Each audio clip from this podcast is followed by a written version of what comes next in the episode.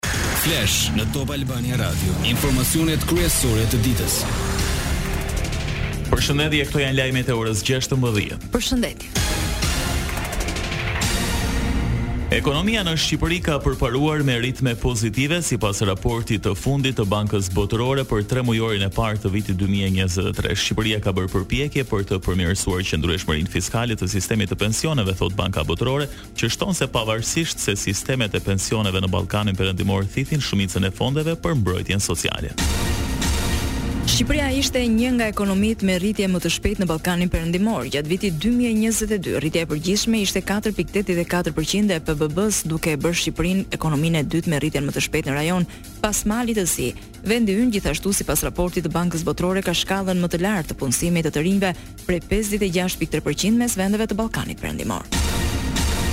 U hodh shorti në KQZ për të ndarë numëruesin e katërt mes Partisë së Lirisë dhe PDIU-s për zgjedhjet e 14 majit. PDIU do të ketë numërues tek tavolinat me numër çift, ndërsa Partia e Lirisë në tavolinat me numër tek. Grupet e numërimit janë me katër anëtarë, dy maxhoranca dhe dy opozita. Për shumicën, dy numërues do t'i ketë Partia Socialiste, ndërsa për opozitën, numëruesi i parë shkon për PD-në zyrtare të Alibeaj. Zgjedhjet vendore dy mijë e njëzet e tre, Shqipëria voton!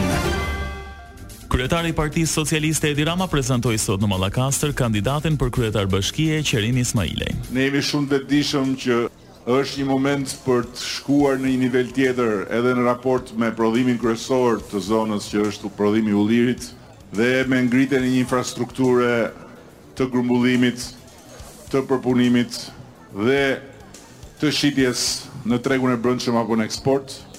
Dhe për këtë duhet t'ju them se prej disa muajsh Ministrja e Bujqësisë është angazhuar në një bashkëpunim me palën italiane, duke identifikuar disa prej pikave më të rëndësishme strategjike për ullirin në Shqipëri dhe, natyrisht, një prej tyre është Mallakastra.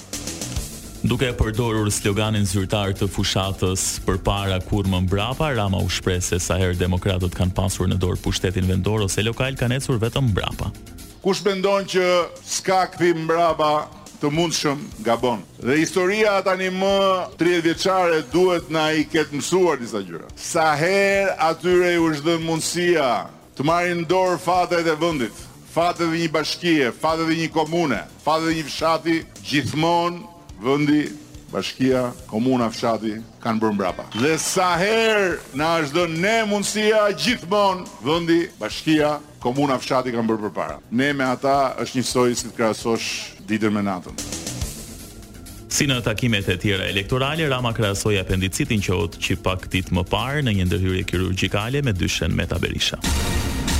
Kandidati i socialistëve për Tiranën, Erion Veliaj, në vijim të turit të tij elektoral u ndal tek njësia numër nëntë në kryeqytet, ku u takua me banorë të zonës. Vetëm njerëzit që takuam sot që tregojnë se sa është rritur vlera pronës, sa është rritur xhiro e biznesit, sa është rritur hapësira ku ecim, trotuari, se si kanë ikur gjithë ato parkingjet e autobusëve që bllokonin gjithë Zogun e Parë. Këtu ku kemi qenë ka qenë e gjitha me ferrishte dhe kangjella dhe fakti që sot ky bulevard është kthyer në një standard, në një etalon se çfarë mund të ndodhi kur bashkia dhe qeveria bashkëpunojnë, nuk pengojnë njëra-tjetrën.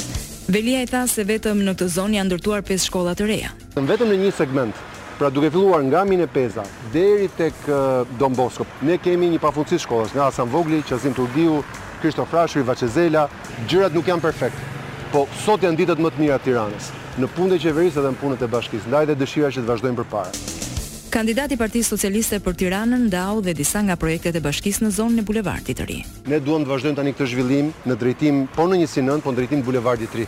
Kjo është arsyeja pse ne bëmë garën për pallatin e ri të koncerteve, të panaireve dhe të konventave, sepse pallati i kongreseve sot e ka tejkaluar kapacitetin, na duhet tani një hapësirë në veri të Tiranës. Aty do të kalojë bashkia e re, aty Ogerta ne kemi vendosur që të çojmë dhe prokurorinë e përgjithshme dhe gjykatën e lartë, tashmë janë piketuar vendet dhe duke vajtur kaq shumë institucione shtetërore, i japim më shumë konfidencë, më shumë besim dhe privatëve që të zhvillojnë Dhe qartazi duam që në mandatin e tretë Tirana të balancohet.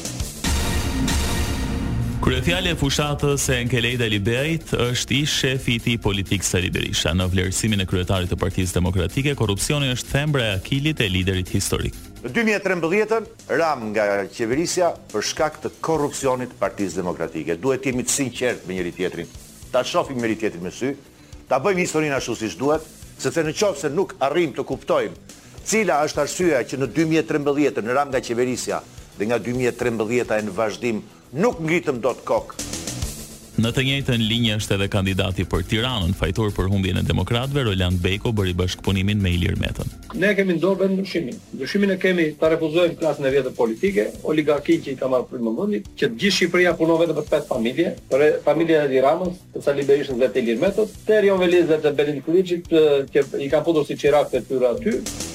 Bejko ishte në Ndroq ku prezantoi programin e tij për Tiranën duke premtuar rrugë dhe tregje ushqimore për zonat rurale. Edhe të oligarkëve. Nëse do të ketë një reflektim dhe reagim të fortë të qytetarëve, kudo që ata janë, kjo klasë politike e cila e mban peng zhvillimin e këtij vendi do të tronditet fuqishëm në katërmbëdhjetë maj Pra, vetëm me votën tuaj.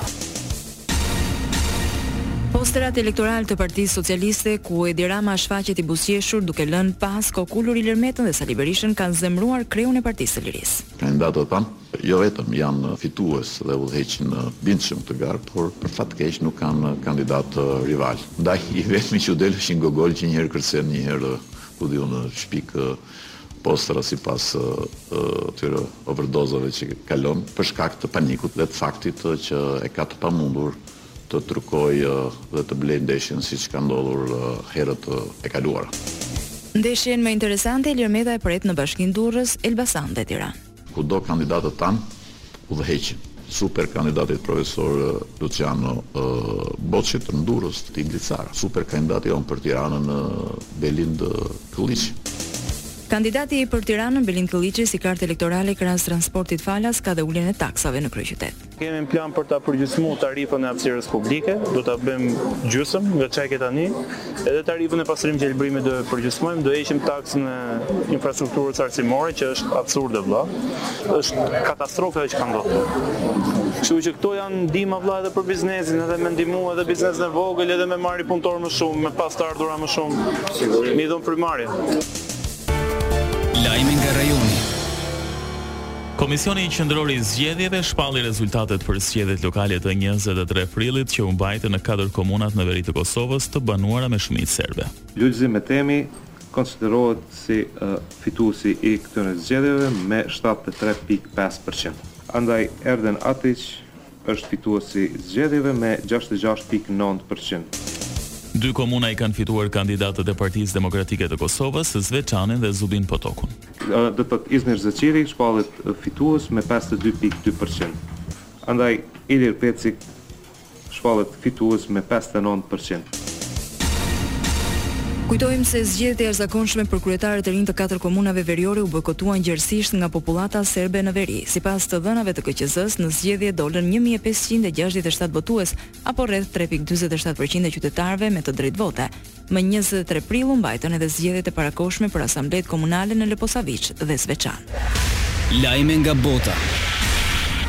Presidenti i Shteteve të Bashkuara Joe Biden njoftoi se do të garojë në zgjedhjet presidenciale të vitit 2024. Njoftimin e bëri përmes një videoje promovuese 3 minutëshe. Presidenti 46 i SHBA-së tha se të drejtat e abortit, mbrojtja e demokracisë, të drejtat e votimit dhe siguria sociale do jenë çështjet më kryesore gjatë garës presidenciale të vitit dy mijë e njëzet e katër. Votuesit tha Biden do të përballen me zgjedhjen nëse gjenerata e re do të ketë më shumë apo më pak liri dhe më shumë apo më pak të drejta.